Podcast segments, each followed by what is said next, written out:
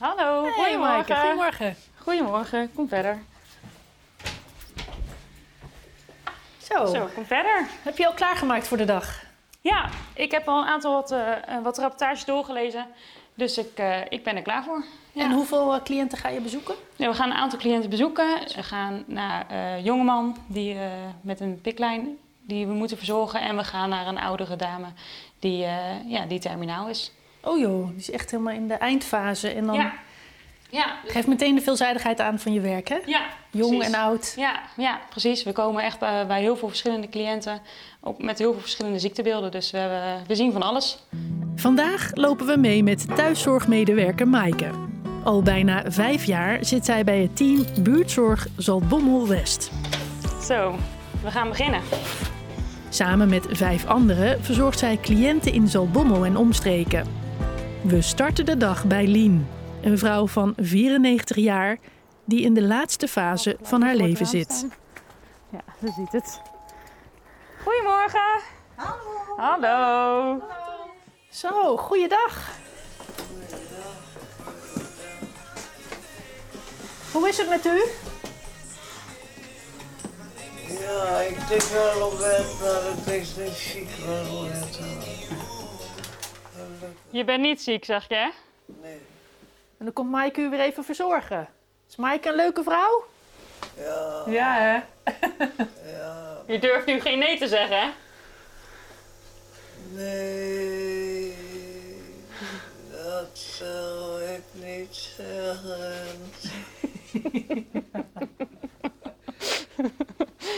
Ondeugd. Bij binnenkomst zie ik een broze dame op hoge leeftijd in de woonkamer liggend in haar bed. Ze wordt intensief verzorgd door Maaike en haar collega's, die haar dagelijks vier keer bezoeken om haar onder meer te verleggen, verschonen en te wassen. De Doet ze het een beetje goed? natuurlijk. Natuurlijk. Ja, jij ligt, ligt al bijna weer twee jaar hier beneden, Lien. Op bed. Het is al bijna twee jaar. Mhm. Oh, wat vliegt dit tijd dan? Mhm. Nou hè. Lien woont nog thuis, samen met haar mantelzorger en maatje Wil, met wie ze haar laatste dagen slijt. Hoe zien de dagen eruit voor Lien en zo met jullie samen? Ja, wat zal ik zeggen?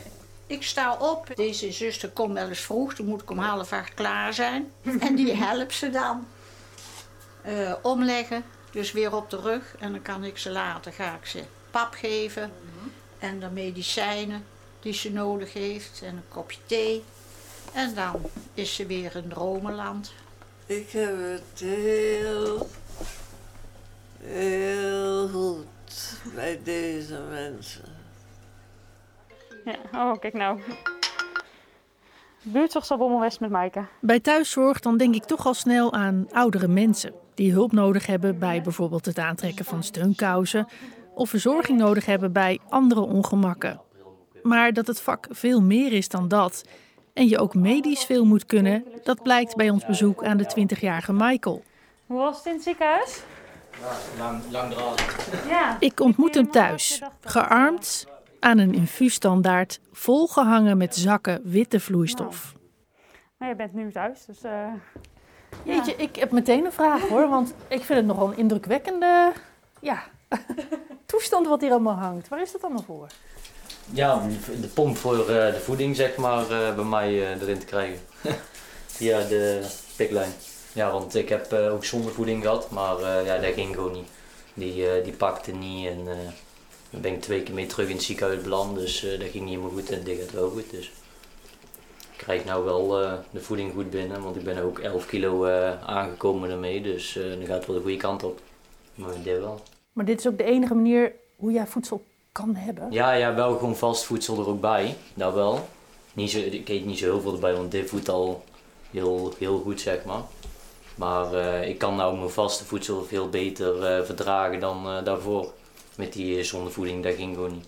En dat komt omdat je de ziekte van Crohn hebt. Ja, ik heb een vernauwing, eh, nou, eh, ik heb nou een vernauwing in mijn darm zitten, zeg maar. Dus ja, het voedsel dat ging er gewoon niet langs. En wat ga je nu precies doen?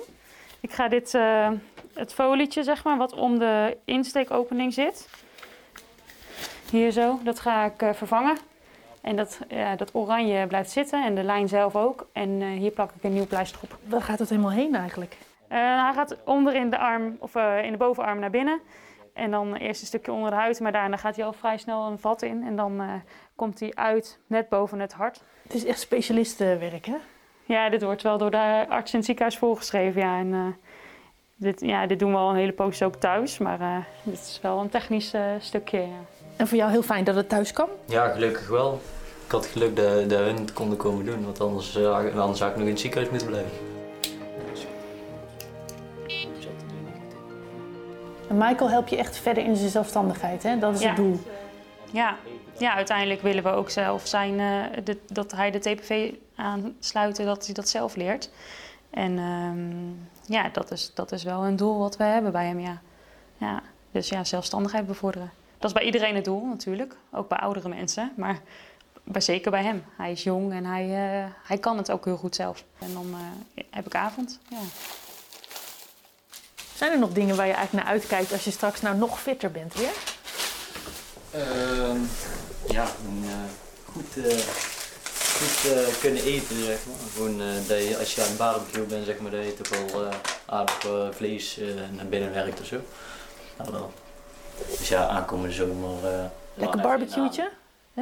Wel. Dat is hem wel gegund, of niet dan? Nou, Even, even weer inhalen. Nou, zet hem op met aansterken. Komt goed. Michael is hard op weg om weer de oude te worden. Uiteindelijk zal hij Maaike's hulp niet meer nodig hebben. Dat is een mooie jongen. Zo anders is het vooruitzicht voor de lieve en humorvolle Lien. En u hoopt het natuurlijk nog lang vol te houden zo samen. Ja, ik hoop het dan totdat ze niet meer kan, totdat tot ze amen zegt bij wijze van spreken. Zolang hoop ik ze nog met hulp van de zusters ze te helpen. Hier thuis. Hier thuis. Zou erg zijn als ik ze nog missen natuurlijk altijd. Maar ik zou het heel erg vinden als ze voor bijvoorbeeld voor één of twee of drie weken naar een ziekenhuis zou moeten. Maar dat weet de dokter ook onderhand, hè, dat ze niet graag naar het ziekenhuis gaan. En als ik het nog aan kan en de zusters ook, dan Ja. zijn wij eh, heel tevreden. ja. En 94 jaar, dus daar moeten we toch ook eh, dankbaar voor zijn. Dat het allemaal nog zo kan. Doet u nou geen pijn? Ja. Oh, toch wel, hè? Zie het aan u, ja. Probeer hem maar neer te leggen. Het is heel bijzonder natuurlijk als je dat dan tot het eind toe mag meemaken. En kan, eh, die zorg kan verlenen. En eh, ja, het is ook wel een beetje heftig als je ziet van nou, eh, ze gaat nu gewoon echt richting de dood. Ja. Gaat het, Lien? Lukt dat niet? Zullen we het toch nog één keer proberen? Ja. Ga ik u nog één keer helpen? Zolang het thuis nog kan, zal Maaike er voor ze zijn. Wel blijven lachen hoor. Komt ie hoor. Nog een keertje naar de zij.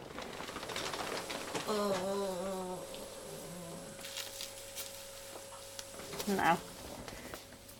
Het is al goed schoon. Dus ik ga u niet verder plagen. Nou. Dat was het voor nu. Ik neem afscheid en hoop dat de dagen die ze nog samen hebben mooi en goed zullen zijn. Lien, die mooie mannen gaan weer weg. Vast dat ze het helemaal.